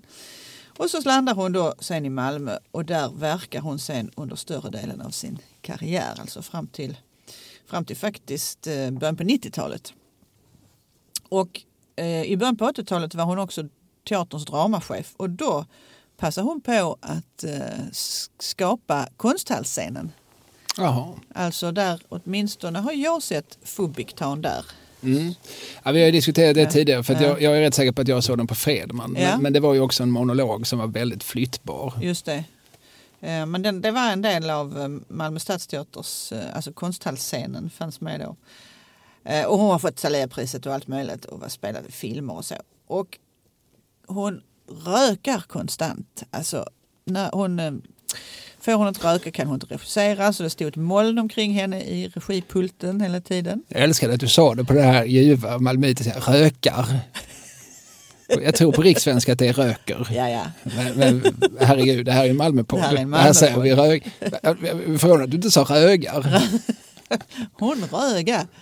Eh, eh, och, och det är för allt, jo det är ju 60-tal, så hon, hon rökte oavbrutet på stora scenen där hon stod och regisserade. Nå, nu ska hon sätta upp Romeo och Julia och då väljer hon ett kärlekspar. Det går inte så bra för Romeo och Julia i pjäsen. Kan Jag man har säga. för mig att det slutar illa. Det gör ju det. Och då valde hon Brita-Lena Sjöberg och Ove Stefansson Mm. som kärlekspar. Och det gör hon ju lite grann, alltså man kan säga allt för konsten. För just då låg nämligen de här två i skilsmässa. Så du förstår, där är också en sån där. Det kan bli bra skådespeleri av detta. Va? En liten smula manipulativt men allt för konsten. Lite grymt men ja. Ehm, och förutom de här båda så spelade ju sådana storheter som Arne Strömgren och K Sigurdsson och Göte Fyring och Ja. Folke Sundqvist i den här uppsättningen. All, alla du nämner är ju just som stadsteaterlegender. Ja, De kanske inte är så jättekända utanför, även om allihop ju gjorde rätt mycket för, som sagt, eh, Malmö TVs dramaavdelning. Mm. Så var det ju framförallt på teatern de var stjärnor. mm. Teatern. på teatern. Ehm, och ehm, det här spelades 24 gånger inför totalt 6 403 åskådare. Romeo och Julia 1967. Då är fortfarande Gösta Folke chef. Och det är han också när eh, den största skandalpjäsen, vågar jag säga, i Malmö Stadsteaters historia har premiär den 10 april 1971 på Intiman. I rollerna nämnda Kristina Gagga Kamnert, Thomas von Brömsen, ung, oförstörd eh, och spritt språngande, barfota över hela kroppen. Är de bägge två. Pjäsen heter Och de satte handklovar på blommorna. Och skrevs av den spanske dramatikern Fernando Arrabal. Och det är alltså en pjäs som eh, kritiserar Franco-regimen, alltså den fascistregim som Francisco Franco upprätthöll i Spanien från spanska inbördeskrig, spanska inbördeskrigets slut till sin död 1976. Eh, och den här pjäsen, det, det är ju fascinerande att läsa om den. Alltså vilken, vilken, vilken, vilket rabalder det var om det. Eh, den regisserades av en man som heter Pierre Frenkel som var väldigt flitig i det här skiftet och som, som inte sällan var inblandad i pjäser som orsakade en liten smula tumult. Han regisserade Hair, eller som den hette då, Hår, på Skala 68 och där var ju också ensemblen naken. Sånt var han förtjust i. Han regisserade också Spelman på taket på Malmö Stadsteater med Cornelis i, i huvudrollen. Det tror jag inte blir någon skandal dock. eh, vad jag vet. Men jag har en jättetjock bok här som heter Frigjorda tider Oj, som några kamrater till mig har skrivit. Fredrik af Tampe, Martin Kristensson och Anna-Lena Lodenius. Eh, boken handlar om, den har som underrubrik När porren blev kultur och kulturen blev porr. Och handlar om de sexliberala åren på 60-70-talet. Och just detta hände när det blev väldigt naket i kulturen och när, samtidigt som porren blev i ganska hög grad började liksom ha lite konstnärlig svansföring. Det blev en jävla röra av alltihop. vad, vad, vad, är vad? Ja, men det var verkligen så. Vad är vad? Ja, det här står för övrigt, eh, Pierre Frenkel, han regisserade också en version av just Glad, Glada änkan eh, som de satte upp igen på Malmö Stadsteater 69, som är också väldigt naken i den versionen. Med mycket så här, liksom, tavlor i vilka liksom, barbystade damer satt och som sen började röra på sig. Så. Scenografiskt effektfullt och eh, såklart eh, publikdragande. Men den här eh, Arabal-pjäsen som som jag, den har, liksom, har funnits i mitt medvetande sedan jag var liten. För min mor berättar väldigt levande om hur hon hur man kom dit och att, att en, en naken Thomas von Brömsen hade lett henne till hennes, till hennes plats i salongen. Alltså då de dök upp redan i foajén utan en tråd på kroppen. Det måste varit lite kallt. ja, ja, men det, tror, det tror jag inte. Det tror jag inte de led av. Nej. Du menar att det, det kan hända olika saker Ja, med olika kroppsdelar? Menar rent generellt, jag som är så frösen. Ja, men det är också mycket folk i salongen Ja, och, och eh, tror jag rätt så mycket eh, pirriga förväntningar som kanske liksom ökar liksom både puls och temperatur. Mm. Eh, nej men eh, det var tidningen Arbetet som började att, liksom, under redan repetitionstiden att liksom, skriva upp det här som en, liksom en fruktansvärd Eh, det, det kommer att ske något fruktansvärt på Malmö stadsteater. Det är liksom väldigt mycket den andan. Jag kommer nu att citera ur Arbetet som i sin tur citeras i frigjorda tiden. Citat. Företeelser som att en eller ett par man uträttar små eller stora behov i ett kärl på scenen och därefter rör i det. Samt att man då och då gnuggar och slickar gylfen på varandra. Att kyssa varandra i stjärten och att ensamma eller tillsammans suga på herrarnas könsorgan samt några av herrarna skall onanera varandra. Påstod arbetet innan den här pjäsen hade premiär. Är det inte Sixten Nordström som har skrivit det? Eh, Det kan det vara för att de eh, lite, lite tjusigt väljer artikelförfattarna inte att nämna vem som skrev det. Men det kan det väl mycket väl ha varit. Han skrev väl i arbetet vid tiden. Eh, och det blir ett, ett jävla liv. Sven Stolpe kommer ner. Sven Stolpe idag mest känd som Alex Schulmans morfar. Han var ju som sin tids liksom, tydligaste liksom, konservativa om man så vill, reaktionära om man så vill profil i dagsdebatten. Han var katolik och eh, moralist och tyckte, liksom, utropade många gånger att nu har samhället förfallit för gott eh, under sina verksamma år. Han kom ner till Malmö och ledde ett stort möte på, eh, på Baltiska hallen. Där, där han bland annat, det är ett ganska spritt citat, att han, han, han hetsar alltså pöbeln att, eh, att gå till storms. Låt bönderna vräka ut patrasket med dyngrepar.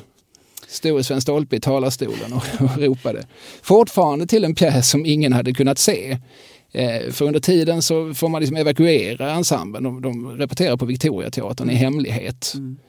Eh, för det, det, de vågar ju knappt gå ut på stan. Och det, det, det är våldsamheter. Efter premiären så, så blir de anfallna med, med, med, med kedjor ute på stan. Och någon scenografs bil blir, blir för däcken uppskurna och sådär. Är ju- Men, men jag tänker på det mötet med Sven Stolpe, kom folk, gick folk dit och lyssnade då?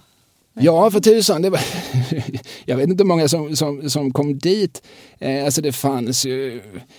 Man får liksom tänka sig in att det fanns ju också liksom en, en opinion vid tiden som, som såg allt sånt här. Såg Per Oscarsson klä av sig i Hylands hörna och såg sen några veckor senare Per Oscarsson säga knulla i SVT. Och som, Var som- är vi på väg? Ja, och det är ju bara några år efter att, eh, att morgonbönen slutat vara obligatorisk i skolan. Det händer ju väldigt fort det här. Eh, alltså det här från en dag till en annan så plötsligt saker som var okej. liksom nu, nu, liksom, nu blev vi exponerade inför detta överallt och hela tiden. Eh, och det fanns ju också en, eh, en biskop i Lund, Martin Lindström. Eh, han skrev ett öppet brev till Gösta Folke, teaterchefen, som publicerades i någon tidning att eh, publiken inte borde behöva bevittna andra sexakter och naturbehov på scenen. Det, det var ju ingen som var beordrad att gå dit. Nej, det var inte, det var inte tvång. Nej. Nej. Nej. Och dessutom det, just det här med, med naturbehoven och så, det, det förekom inte i pjäsen. Nej, det gjorde det inte va? Nej, Det utan, utan det är någonting som, som väl antyds i pjäsen. Pjäsen utspelas ju i ett fängelse. Ja. Eh, alltså, i, jag, jag, tror, jag tror inte att den är så socialrealistisk, jag tror den är väldigt poetisk till sin struktur och sådär. Men, men, men, det antyds väl att det här är någonting man tvingas göra som ensam eller som, i ett fängelse. Just det. Eh, Det hade, väl, hade inte stått så. Hade inte journalisterna fått ta del av, eh, vad heter det, Eh, manushänvisning eller anvisningar? Jag, jag tror det. Jag tror det det, om, om det var Sixten Nordström eller vem det var på arbetet. Det, det är där det börjar någonstans. Att nå- någon sticker till honom detta eller om han själv letar upp det någonstans. Men han har ju fortfarande inte sett hur det här kommer att se ut och te sig på scen. Nej. Så alltså redan innan eh, pjäsen ens finns att titta på så uttalar sig en massa människor. En, eh, en man, vad heter han, Arborenius, kan han heta så? Eh, Figuren i Lund. Eh, ska se om jag hittar den. Var han präst? Ja, Aron Borelius, mm. professor emeritus i konsthistoria. Mm. Eh, han sa till tidningen, jag har inte läst pjäsen och lovar att aldrig göra det. Mm. Men tyckte ändå att han kunde leda massorna mot den. ja. Eh, ja. ja det, det, är otroligt fascinerande. Eh, att läsa om. Tidningen C, som ju var en sorts, eh, ska, det var en veckotidning, som en herrtidning som Rune Moberg skrev ledare i och så. Och som, som kombinerade eh, som ändå en sorts grävande journalistik med rätt vad ska vi säga, avklätt. Mm. Allt avkläddare för varje nummer tills de la ner 76. Samma år som Franco för övrigt. Och Mao. Tre institutioner som dog samma år. Eh, hur som helst, i C så skrev de på fyra, fyra sidors uppslag fick den här pjäsen, liksom, fortfarande innan premiären. På en biograf i Malmö repeteras en teaterpjäs som slår alla rekord i chockerande sexuell realism. Under större delen av speltiden agerar skådespelarna helt nakna och genomför tre samlag. Oj. I fyra sekvenser onanerar männen öppet inför åskådarna. Perversa inslag ökar pjäsens chockverkan och publiken deltar i orgierna. Ja, det visste de att berätta då innan. Och en, en ganska intressant liten passus då att det här reportaget eh, illustreras med bilder från uppsättningarna av samma pjäs i Paris och Köpenhamn. Mm. Alltså inte den som, andra uppsättningar än den som vi faktiskt mm. kommer att presenteras för. Samt en smygtagen bild på två av de svenska skådespelarna med varsin barnvagn. Alltså en paparazzi-bild. Ja, ja, ja. Barnen har varit på lekis när mamma repeterat, förklarar tidningen i insinuant ton. Alltså medan mamma ligger och knullar på jobbet. Så får barnen. Ja. Ja, det är fascinerande eh, vilken, vilken liksom megaskandal det här lyckas bli. Sen blev det ju en succé. Mm. Alltså, och det blev det väl dels för att eh, det var en snackis som väldigt många människor ändå kände att det här, det här kanske man måste se. Eh, och, och, dels var det nog många som också ville säga att vi, vi, vi, vi tycker att, eh, att det har, kan ha sitt konstnärliga värde att visa saker. Om en pjäs som, som någonstans vill kommentera fascistregimen mm. måste väl ändå, hur, hur vidriga saker vi än gör på scen så visst gör sig Franco-regimen skyldig till värre. Det, lite i den attityden. Men din mamma som var, var på, på den här föreställningen, min, minns hon liksom eh, hur explicit det var? Eller om det bara var en Nej, jag har aldrig vågat fråga. Nej, nej. Om jag minns rätt så minns hon inte så mycket, mer än just Thomas von Brömsen. ja, det kan ju lätt, eh, ja. det intrycket kan ju stanna. Klart. Jag har aldrig frågat henne hur, hur välutrustad han var. Nej, det är inte alltid lät... sådana frågor man ställer till sin mor. det lät precis som att det var jag som frågade det, fast det var det ju inte. du är noga med detta. Mm. Eh, den, eh, trots alla protester blev det en publik framgång. 35 föreställningar, 5229 åskådare. Mm. Eh, här spelades alltså på Intiman. Och Thomas von Brömsen har blivit intervjuad i efterhand och minns det framförallt som ett fantastiskt äventyr. Den hade en sådan laddning och den bröt mot det jag hade gjort tidigare. Ja, både politiskt och uttrycksmässigt. Och han minns den också som en, som en, en, en poetisk pjäs. Mm. Eh, så att så olika kan vi se mm. på världen. De satte handklovar och de satte handklovar på blommorna 1971. Mm. Nu är det du. Ja, och då ska vi backa ett år tillbaks i tiden. Nu är vi ju inne på 70-talet här, men nu ska vi till premiär 24 januari på Intima 1970. Mm. Då ska vi gå och se eh, något som hette på engelska The Boys in the Band. Just det, återigen Pierre Frenkel. Exakt. En man som inte skydde kontroverser. Verkligen inte. Och när du sa han satte upp Spelman på taket, han var ju också av judisk börd och Just det. startade sen eh, Judiska teatern i Stockholm. Ihop med Basia Fridman va? Och hennes make Thomas Laustiola. Ja, ja, ja. Känd från Storstad och uh, Tre Kronor. det är han med det höga hårfästet och den stora mustaschen och den väldigt eh, ledsna uppsynen. Ja, vad, vad spelar han i Tre Kronor? Han spelar pappa till eh, någon. Mm. Jag, jag, kommer inte ihåg. Han, det var en familj som flyttade in i, i Mälarhöjden. Just det. Um, i, i stor... Jag har glömt det mesta utom Reine och Mimmi faktiskt. Ja just det, i storstad spelar han mot, uh, mot hon som var gift med Stig. Klimax var det någon som hette. Ja precis, men det var ju Kristina Skolin och Ulf Brunnberg som var föräldrar till ja. Klimax väl. Mm. Hans-Åke som som mamman kallar honom och bara hon. En rolig detalj för övrigt. Eh, vi struntar i ja, Thomas Löfstiola för han hade ingenting men vad heter den där och pojkarna? Eh, eh, oss pojkar emellan. Oss pojkar emellan heter den på svenska. Ja. Och det här, det är en pjäs, alltså pjäsen kommer 68. Mm. Eh, Mart Crowley heter författaren, den utspelar sig i New York. Det är 60-tal och nio homosexuella män samlas för att eh, fira en väns födelsedag. Det är en inifrån skildring av liksom New York gay life. Verkligen. Mm. Och det är ju brutalt roligt, det är ekivokt, det är hysteriskt, det är också väldigt tramsigt och det är sorgligt och elakt och alltihop. Eh, väldigt kvicka repliker och om man vill eh, njuta av, den har spelats filmatiserats också två gånger och den senaste Först 70 då och sen 2020 och den senare finns på Netflix just nu faktiskt. Man kan titta på den om man vill. Ja, det ska jag göra för att mm. jag är lite nyfiken på den här. Den är väldigt eh, rolig. Mm. Men i alla fall, eh, och sen spårar det ur för det kommer en objuden gäst och så blir det då peripetin som min svensklärare hade sagt där dramat då vänder.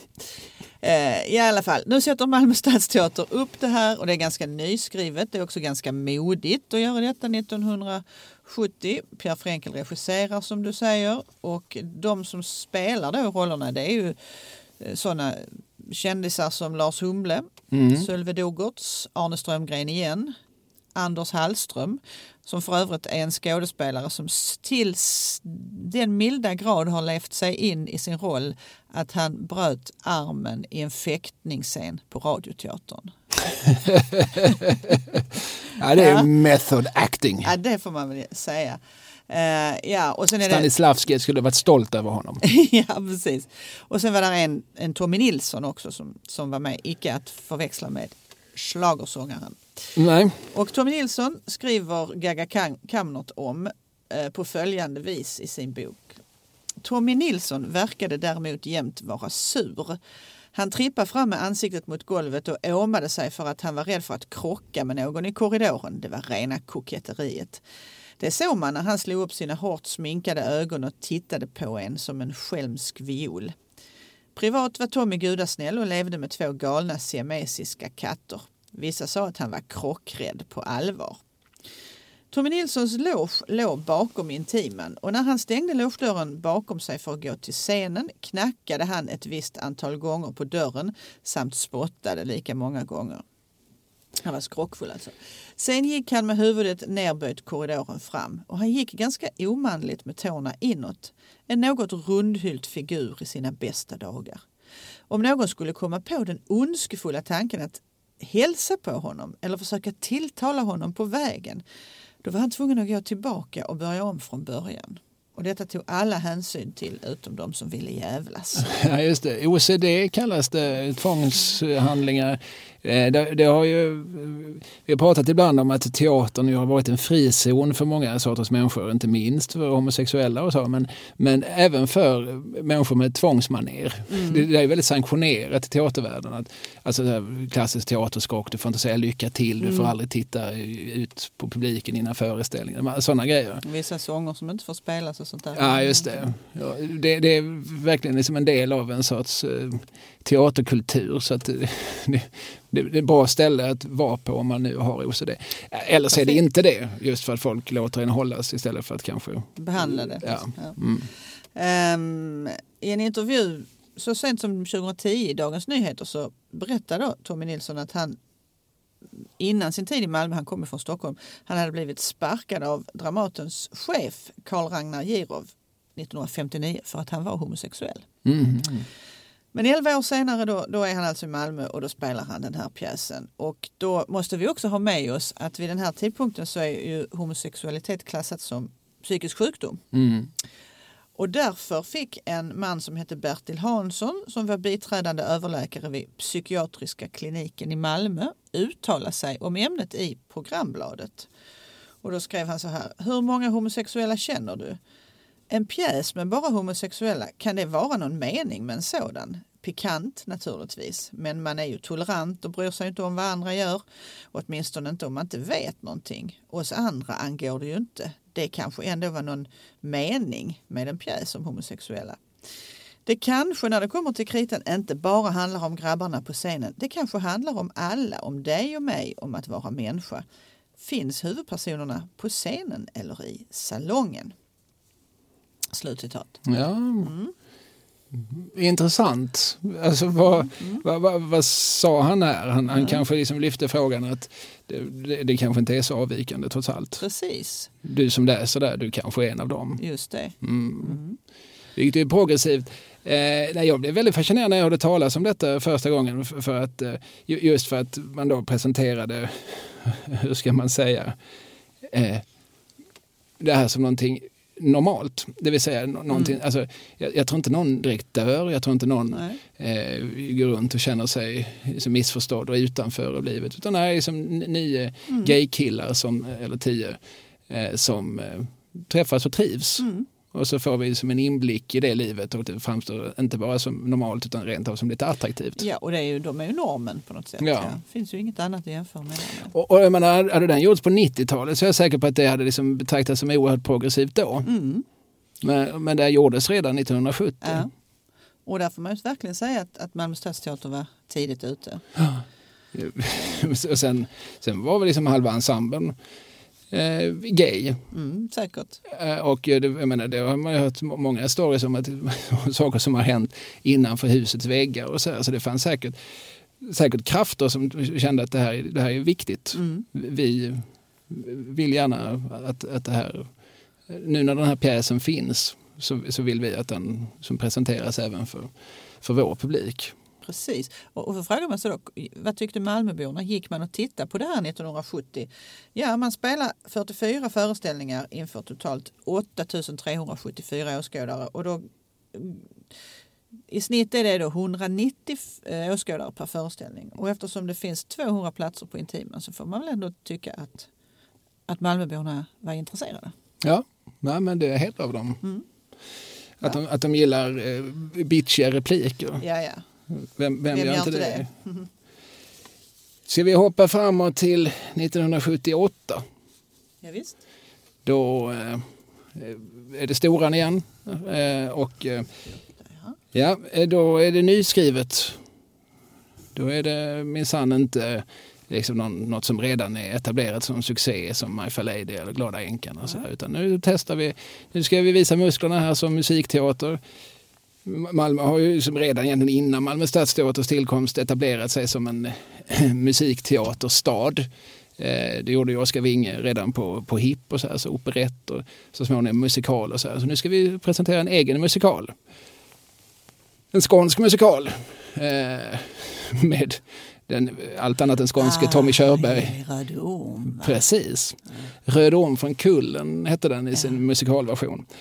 Eh, musik skrevs av Bengt-Arne Wallin som är, eller var, en sån där, alltså om man noterar hans namn så märker man att han dyker upp på hälften av alla skivor som gjordes i Sverige på 50, 60, 70-talen.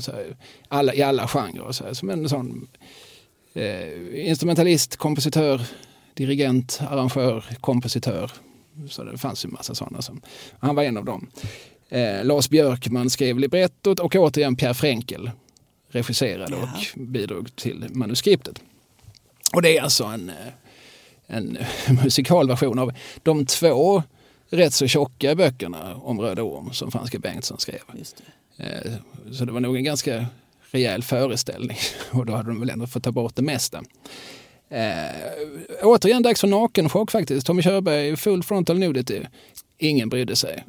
Sven Stolpe skulle inte samla några pöblar den här gången. Nej nu var det en del av... Nu, ja, ja, vadå? Nu, nu är det som det är. Mm. Eh, Marianne Mörk medverkade i en av sina första roller. En av dem, eh, typ hennes fjärde roll eller så, på, på eh, eh, Malmö stadsteater.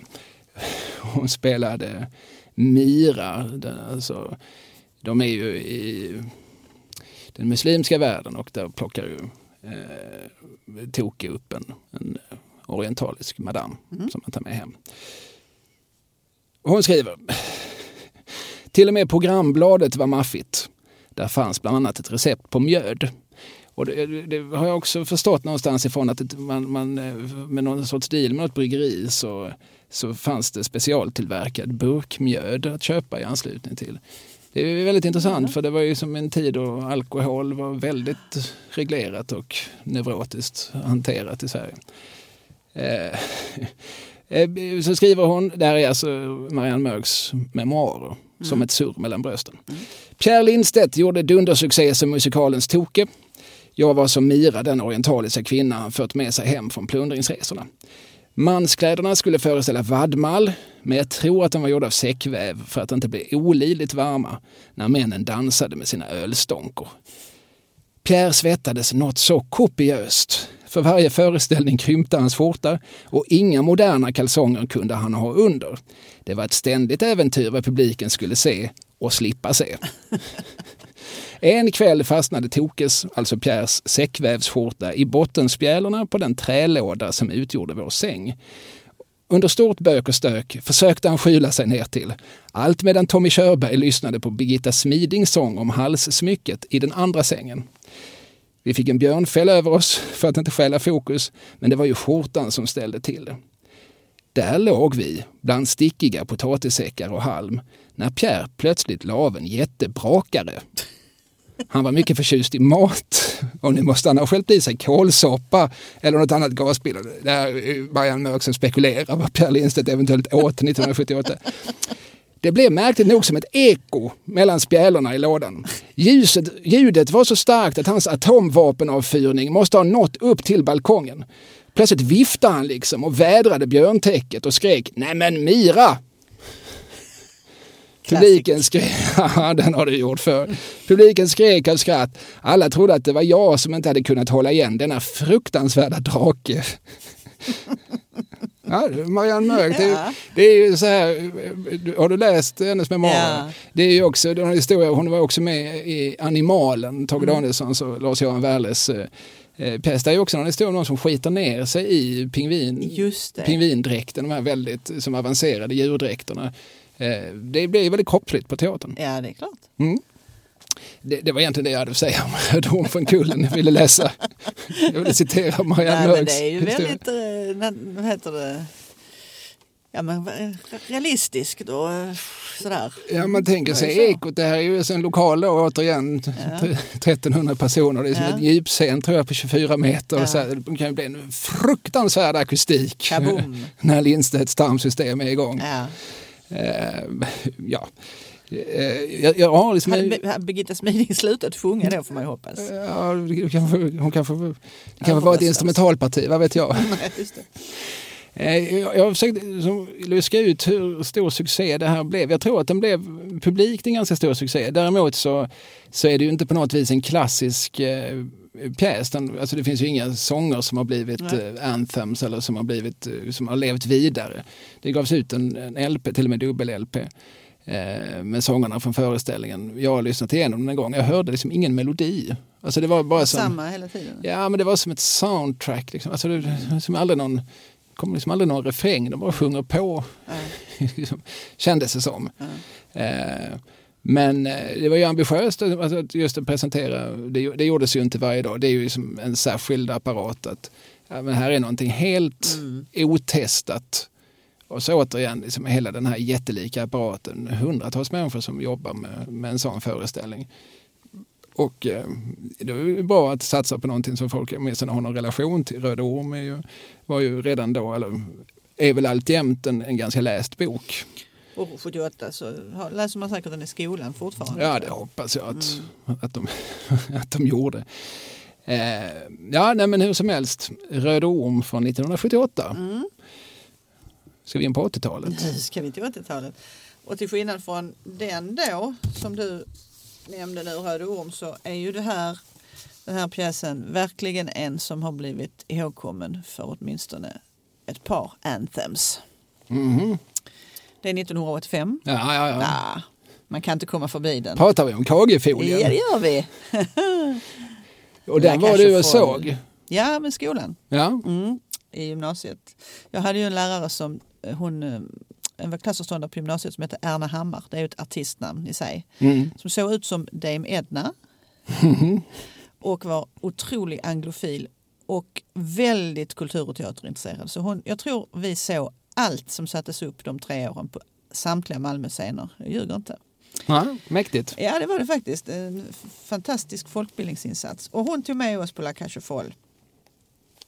En, en, eh, en pjäs, eller en föreställning, musikal som hade premiär på Stora 1985. Och där vi fick se Jan Malmsjö, Karl-Åke Eriksson och GB Stenberg Mm. i de bärande rollerna. Karl-Åke Eriksson är inte så ihågkommen. Jag, jag minns, eh, nu hänger jag ut folk här men nu, nu gör jag det. Ja, ja. Att just när vi gjorde den här Operans 75-årsjubileum så hade jag skrivit någon på där jag pratade om KG-folien och eh, om hur Jan Malmsjö hånglade upp Karl-Åke Eriksson. Mm. Och så kom Ronny Danielsson och sa på sitt ganska bitchiga vis, ingen som kommer ihåg Karl- Karl-Åke Eriksson, du kan skriva stryka honom. Eh, Han finns med i Den enfaldige mördaren. Eh, om man vill liksom minnas hur han ser ut. Han spelar förvaltaren Wallin. Ja. Som bland annat är med i den här väldigt fina scenen när, när Sven, Stellan Skarsgård, får, får eh, hjälpa till med traktorn. Ja. Kommer du med melass? Och lille vän och skär motorn. Så står Karl-Åke Eriksson bredvid och säger till Typ, ja, nej, du kan ju inte komma med melass, det förstår du väl? Vi har förstått att han vet ingenting om traktorer innan. Så st- står han och läxar upp den lille pojken. Men, men Sven får visa att han kan det här med motorer. Va? Jag ville se minen på farhan som han hade hällt melass i motorn. Karl-Åke Eriksson. som, En underbar film. Ja, just precis. Eh, som är, eh, spelar då eh, nattklubbsägaren mm, mm, George. Som lever tillsammans med Jan Malmsjö som spelar Sasa. eller Albin. Eller Albin som Ja. Eh, De driver den här nattklubben i Saint-Tropez och vad som händer är att Georges halvvuxne son är det väl ska gifta sig och svärföräldrarna då ska komma på besök. Eh, det är plotten liksom. Mm. Och de visar ju sig vara extremt homofoba och eljest på många sätt. Eh, konservativa och negativa och sådär. Eh, de har ingen som helst förståelse för att de här två herrarna lever ihop. Alls. Mm. Nej, Lite förvecklingar så. ja, ja, visst. Men där är återigen det här att de som lever i en samkönad relation, det är de som framställs som normen. Mm. Mm. Och den här musikalen hade urpremiär i USA 1983. Ehm, Så att det är också ganska snabbt som Malmö då först i Sverige anammar det här eh, och det blev en enorm succé som vi vet. Ja, precis. För den slår nu både My Fair Lady och Glada Änkans tidigare publikrekord. Ehm, 152 slutsålda föreställningar, stående ovationer varje kväll. 233 643 besökare från hela Sverige. Alltså det är så djupt fascinerande. Jag minns ju det här, jag var ju tio år, jag såg inte det, men jag minns den ändå. För det var någonting som folk, alltså vuxna omkring mig, skulle se och som de kom hem och var alldeles tagna av. Och, och, och jag förstod det inte riktigt då, men nu så här i efterhand, alltså det här är liksom, det här är liksom en hyllning. Det här är en Pride-parad i, i musikalform. Som liksom det här liksom förstockade Industri-Malmö mangrant tågade till. Folk, alltså när de slutade spela den så hade de fortfarande en kölista på 15 000 Exakt. som inte hade fått se den. Ja. Det är liksom helt häpnadsväckande att eh, alltså det, det- ställer liksom alla ens egna fördomar väldigt mycket över huvudet. Att det, här, det här var någonting som folk verkligen, verkligen ville se. Och det var väl för att det var show och glam och fest och Jon Malmsjö inte minst som, som verkligen gissar jag fäktade med armarna och tog plats. Ja. Starka sångnummer och så inte minst de här kajellerna som eh, dansade. Alltså det var ju det. 12 stycken tror jag, och jag tror 10 var män och två var kvinnor. Alltså, Det är lite förvirrande den här, den här pjäsen. Som, det är ju en pjäs först va, som sen blev en musikal som sen blev en film. Jag tror alla har olika titlar. Alltså Birdcage heter den väl med Robin Williams som film. Och sen så tror jag att den, alltså pjäsen heter Lånta fjädrar. Och vad heter det ursprungliga manuskriptet om Min mamma herr Albin? Ja, precis. så? Ja, det finns Ja. minst tre. Ja. Det här med lånta fjädrar ska jag låta vara osagt för det kan vara jag som associerar fel. Men minst tre olika titlar på i princip samma... Ja, konstiga saker har väl hänt men, men, men eh, det är ju lite förvirrande för kommunikationen. Mm. Ja. Men det är, det är rätt så, jag tänker också att det är kul med att det, det är Harvey Fierstein som har satt upp den här i USA en gång. Han är dramatiker, skådespelare och så. Och han hade faktiskt samma år två olika pjäser på Malmö stadsteater. Eh, den andra var Det var en lördag afton som också hade ett gay-tema. Eh, Och Fierstein hette han, där bevisar den gamla tesen att det är judarna och bögarna som har byggt showbiz. Ja, men vi, och helst när de är i samma, stöpta i samma. Så en, en, en bög som är en judisk bög, hur roligt? Det kan inte bli roligare. Ja, det, kan, jag. det kan inte bli bättre. Nej. Nej. Man vill ju bara vara i hans närhet. Mm. Men i alla fall, det, finns ju, det fanns ju också lite konflikter när den här sattes upp för att då allt krut satsades på den här. Va? Och den Det gjordes dramatiska, inget annat. Nej, den dramatiska teatern så föstes ut på Intiman, där kan ni vara. Man satte inte upp andra saker. Många gick sysslolösa och, och klagade för att de hade inget jobb. Och alla de här de som dansar där inne, de karlarna som dansar i höga klackar, de stjäl ju all uppmärksamhet. Va? Så det var inte helt kontroversiellt. Eller inte- Okontroversiellt. kontroversiellt inne i huset. Eh, Men en liten eh, rolig episod. Va? Vridscenen var ju frekvent använd i den här föreställningen eftersom det var många scen, eller byten i scenerna och de dansade mycket och sådär. En dag började den här vridscenen att gnissla rejält. Det man då brukar använda för att få den att sluta gnissla det är glidmedel. Mm. Så det stod en doft av vaselin. På något sätt är det väl ändå så. Och någon måste nu gå och köpa nytt glidmedel och Ja. Marie Wenander som var rekvisitör hade det ansvaret. Hon tyckte inte att det verkade så himla roligt att gå till apoteket och handla. Så hon skickar Kenneth Mildoff, Ja, ja. mm, skådespelare. Så han går dit och handlar stä- 20 tuber, ställer sig i kön med dem och kommer fram till kassan varpå den manlige farmaceuten ju känner igen honom, tittar på honom och så säger han, ska ni ha personalfest? Mm, Roligt, roligt. Det är rätt kul. Pillertrillarhumor. Ja, Ja, och det är ju den här föreställningen som, som både jag är den jag är, jag är mig själv utan förställning. Samt såklart alltså Malmsjös alltså verkligen, ver, verkliga parader. Vår bästa tid är nu. ja. Som han ju, det har inte gått en dag sedan dess utan att Malmsjö har sjungit Vår bästa tid är nu. Nej, men så är det säkert. Visst gick han in på Svensktoppen med den skulle jag vilja säga. Det tror jag och jag vet att när han för kanske 15 år sedan spelade någon väldigt, väldigt tung Dramatenpjäs, sådär tre timmar om en, en rysk farbror som svälter. Så råkade sammanfalla med någon födelsedag till honom. Så efter den här föreställningen så, så blev det lite uppmärksamhet kring Jan Malmsjö och, och han fick lite blommor och så. Och även liksom efter den föreställningen så, så, så drog han igång Vår bästa tid är nu. Ja, det är klart. Lite konstigt, det måste vara en konstig känsla som publik. Man man har liksom sett tre timmar elände och sen slutade med att någon konstaterar vår bästa tid är nu. Mm. Eh, Men eh, ja, alltså det här var ju en, ver- verkligen, liksom, ja, man har gjort otroligt mycket, han kommer inte ihåg hälften själv. Och, eh, men, men det här får nog sägas vara hans största ögonblick på en teaterscen. Mm. Han kommer tillbaka till Malmö, uppväxtstaden Mm. eh, och, eh, och liksom visar väldigt mycket var skapet ska stå. Ja. Eh, sen tror jag det är så att den här pjäsen, eller musikalen, har satts upp en handfull gånger i Sverige och det har aldrig lyckats någon annanstans än där och då. Bara året efter satte man upp den på Oscarsteatern i Stockholm. Och vem spelade då huvudrollen? Jo, det gjorde Tommy Nilsson. Återigen alltså inte schlagersångaren utan samme Tommy som spelade i Oss pojkar emellan i Malmö 1970. Ehm, Ja, och sen Mm. så har Loa Falkman spelat den, tror jag, Rickard Karlsson som var Mm. väldigt het i musikalbranschen på 90-talet. Eh, Men, men eh, det, det är som, den är så här lite undergångsmärkt. Det blir aldrig, det funkar aldrig Nej. riktigt. Förutom den det gången. var där och då. Ja. Och det var verkligen en, en sån hit.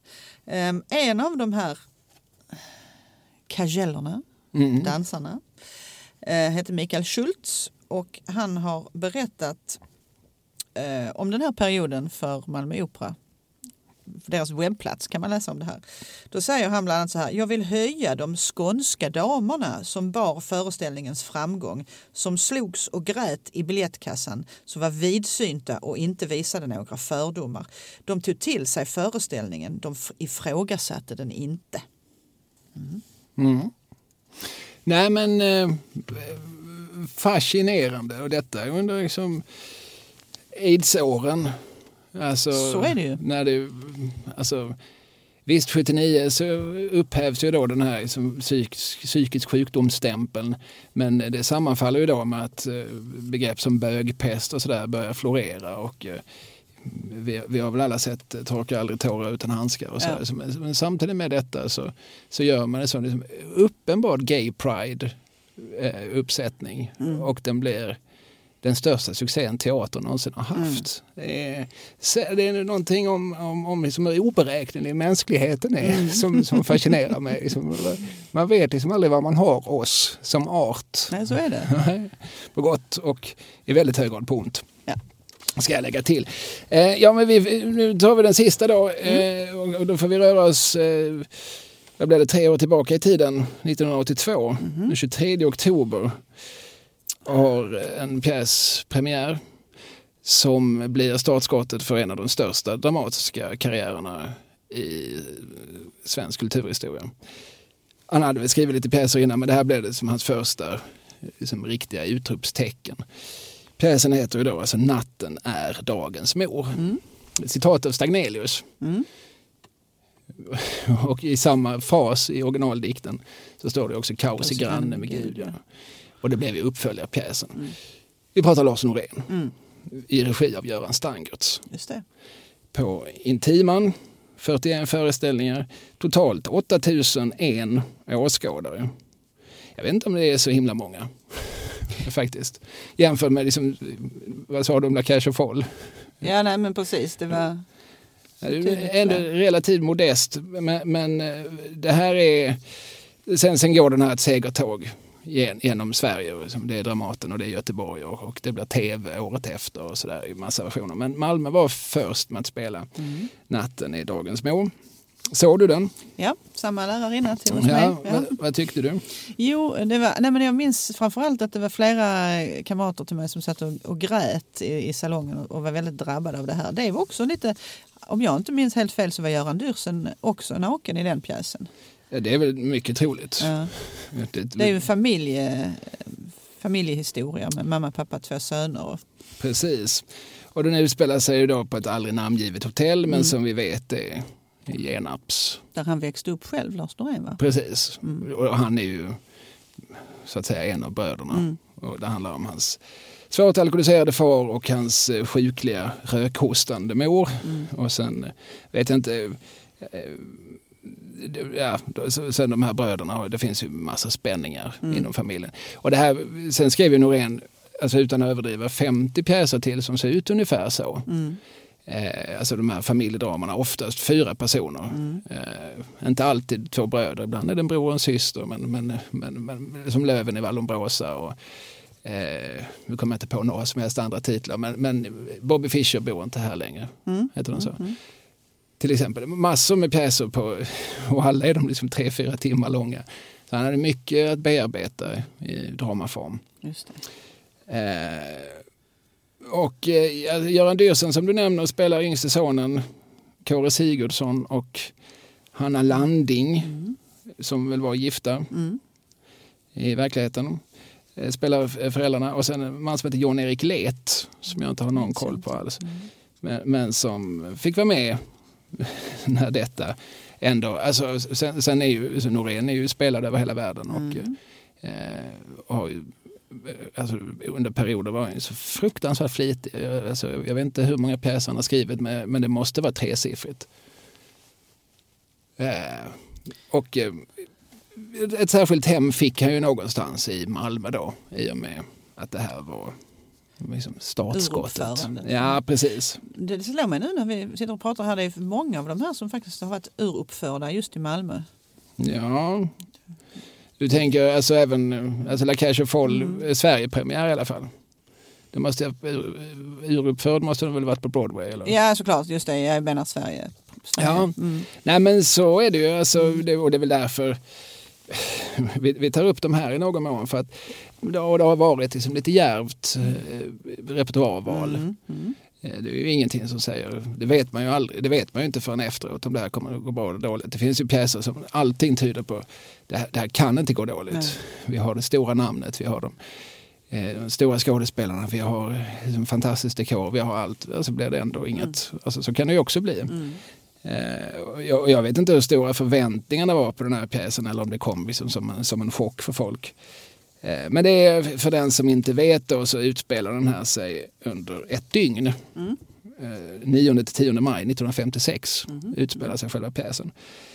I ett restaurangkök. Mm. Och sen är det då uppgörelser. Så böljar det fram och tillbaka. De blir arga på varandra, de mm. gråter och de kanske till och med är glada i några sekunder och sen så blir det helvetiskt på nytt. Just. Och, ja, men det är fascinerande med Lars Norén. Så här, liksom, begreppet Norén-jul ja. är väldigt etablerat. Jag tror någon kollar på det att det förekommer inga jular i några Norén-drama. Åtminstone ytterst sällan. Det är väl, alltså, nej, men, men, men, men vi kan alla föreställa oss hur en sådan skulle vara. Liksom. Mm. Alltså det vill säga liksom, familjeuppgörelse. Många liksom, gamla bykar som ska vädras, mycket oförrätter ja. som någon kommer på. Det kommer fram en flaska och ja. du vet vad spriten kan göra med. Och så. Mycket tårar, mycket mm. ilska. Mycket... Ja, precis. Och det är väldigt lätt att liksom applicera på liksom, jul då vi liksom, på något vis mer eller mindre frivilligt tvingas umgås med vår ursprungsfamilj. Uh, och han dog här om året. Mm. Han dog väl i corona faktiskt. Ja, det gjorde han. Mm. Han såg, jag tyckte han såg sjuklig ut redan 30 år innan. Men, men, men eh, eh en, eh, ett, en gedigen mm. dramatikerkarriär. Och han debuterade nog som poet redan på 60-talet och hade något väldigt fattigt 70-tal. Ja. Och sen efter detta då så så, så påbörjas det här segertåget som går först över Sverige och sen vidare ut över Europa. Och efter hans död så har det auktionerats ut ja, hela hans bohag. Ja, ja och, men han hade mycket dyrt. Alltså, mm. Han måste med tiden blivit tämligen tät. Jag har ju också läst hans, åtminstone första delen i hans dagböcker. Mm, mm. Jag tror han gav ut fyra, de kanske är på 2000 sidor stycket. Ja, ja. Eh, där han väldigt maniskt noterar framförallt sina inköp. Jaha. Det är mycket kashmir. Ah, han var tyckte, Jag tyckte det var skönt mot huden. Okay. Med mjuka tyger. Mm. eh, nej men, eh, ja, men precis, nästan eh, eh, liksom ett, eh, jag ska inte säga perverst, men, men eh, ett maniskt konsumerande mm. som kanske skulle fylla något hål i Lars, vad vet ja. jag. Nej, men visst. Många, många av de här, nu hade de ju långa titlar de här första men sen så Sen vet jag att det var bara sådana här enordingar som hette Blod, Sommar och sånt där som man också Just det, såg. Blod sattes också upp eh, i slutet på 90-talet mm. i Malmö. Mm. Uh, ja, nej, men han eh, experimenterar en sorts Hades, sätter någon pjäs. Sen började han ju skriva liksom, i en annan genre efter, när han på något vis hade liksom, jobbat färdigt med familjedramat. Mm. Givetvis då liksom starkt inspirerad av framförallt Eugene O'Neill. Mm. Och, vem är rädd för Virginia Woolf? Nej? Ja, det är Badal Ja, men eh, vad, vad, heter hans stora, alltså Långdagsfärd mot natt just det, heter ju O'Neills stora ja. Eh, pjäs som ju också är fyra personer, mm. också en familj. Och så. Mm.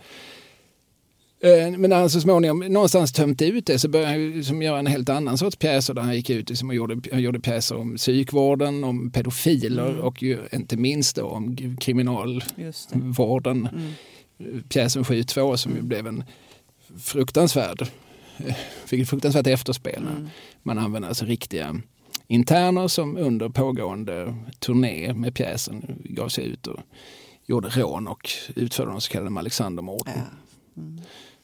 Uh, extremt naivt som projekt. Mm. Men det kan jag ju sitta här och säga nu. Mm. Jag är inte hundra på att jag hade sagt det då om någon hade frågat mig. Förmodligen hade jag det. Men vem hade lyssnat på mig och varför? varför ska någon lyfta, lyssna på mig nu helt plötsligt? eh, men som sagt, eh, och, och Genarp eh, växte han ju upp i. Ja. Och det gjorde, han var ju barndomskompis med Karl-Erik Velin. Jaha. Som också växte upp i Genarp som ju sen blev eh, pianist och kompositör och framförallt känd för att han liksom sågar sönder pianon och så på 60-talet. Gjorde så här liksom happening-föreställningar. Det är intressant att Genarp skapade två av våra, faktiskt, av, av våra största inom respektive genre. Är det, det är ju, medan Genarp är det så bli, råkar man blinka när man kör förbi så har man ju missat det. Ja, då har du missat Ginnarps pizzeria. det finns en sån också. Ja. Är det i det gamla värdshuset kanske? Där han Ja, det kan, kan, jag ska låta det vara osagt, jag tror det. Men jag är inte hundra. Det, det, hotellet för övrigt är ingen imponerande byggnad. Nej. Den, eh, jag förstår att Lars Norén blev deprimerad som vuxen när jag tittar på det huset.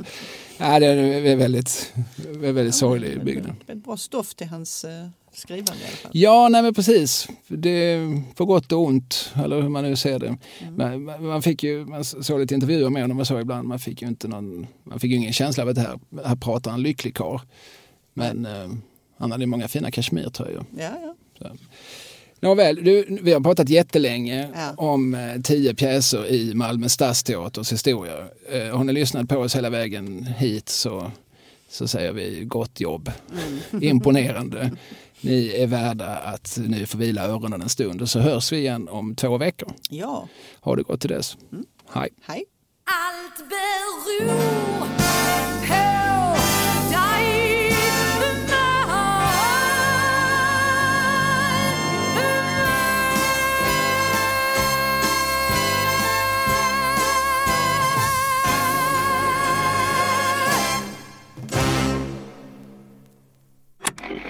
Programutsändningen presenterades av Kalle Lind, kulturarbete